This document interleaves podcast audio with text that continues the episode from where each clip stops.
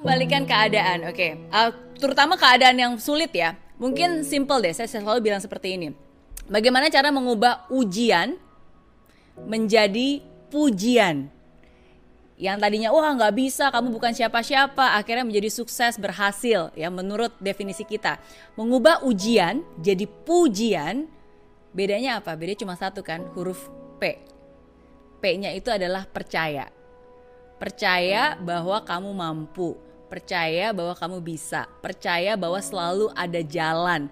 Kalau sekarang kamu belum tahu jalannya, pasti ada jalannya. Cari tahu, belajar, percaya bahwa keadaan yang sulit ini akan berubah.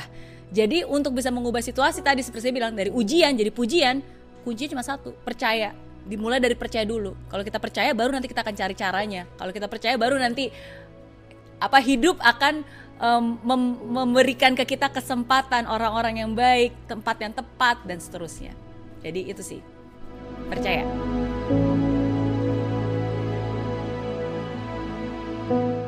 Krisis identitas. Oke, okay. ini menarik sih. Tahu nggak kenapa? Karena sering kali ya kita tuh um, pasti awalnya sebenarnya kita pede. Terus kenapa tiba-tiba jadi nggak pede? Awalnya kita juga tahu siapa diri kita tapi kenapa kita jadi merasa kayak ada krisis identitas? Karena anda lebih sering nengok kiri nengok ke kanan. Karena anda ngeliatin arah lain orang lain ngapain dan akhirnya itu mempengaruhi anda gitu. Jadi contohnya nih misalnya kayak anda sudah mempersiapkan buat presentasi ya kan? Anda udah persiapin wah anda udah yakin nih. Tapi begitu ngeliat orang lain wah kayak dia presentasinya jauh lebih jago jauh lebih bagus akhirnya anda jadi ciut. Akhirnya itu akan mengurangi confidence anda gitu. Jadi untuk bisa menghilangkan krisis identitas seperti ini dan meningkatkan kepercayaan diri, pertama-tama paling penting adalah um, stop caring about what other people think and know more about yourself. Jadi pertama jangan kepoin orang lain, tapi coba untuk kepoin diri sendiri. Karena menurut saya itu sih yang paling penting.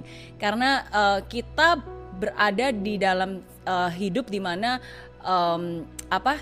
uh, begitu banyak kesempatan, tapi sometimes too much opportunity itu can be a distraction. Too much opportunity semakin banyak kesempatan itu sebenarnya bisa mengurangi kebahagiaan loh. Karena ketika kita um, punya banyak kesempatan dan kita bisa ngeliat kiri kanan, akhirnya kita jadi membandingkan. Akhirnya kita jadi berpikir, oh iya bener nggak ya? Apakah saya sudah di tempat yang tepat atau belum ya? Apakah ini pilihan tepat atau belum? Apakah ini pekerjaan tepat atau belum? Dan akhirnya itu membuat kita jadi kurang bahagia dengan apa yang sudah kita miliki. Dan itu penting banget menurut saya. Yes, memang kita memang harus punya mimpi, tapi kadang jangan sampai jangan sampai uh, kita terlalu terlena dengan mimpi kita sampai kita lupa dengan tanggung jawab dan apa juga yang sudah kita miliki hari ini.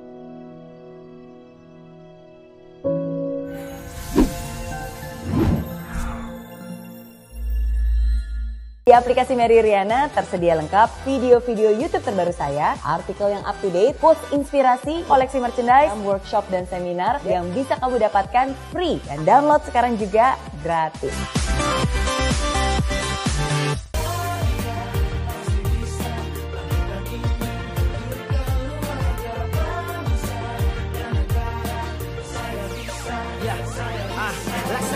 tanpa hujan Hidup tanpa tujuan Kering dan mati tanpa hijaunya tumbuhan ah Demikian kalau mimpi tak kunjung terjadi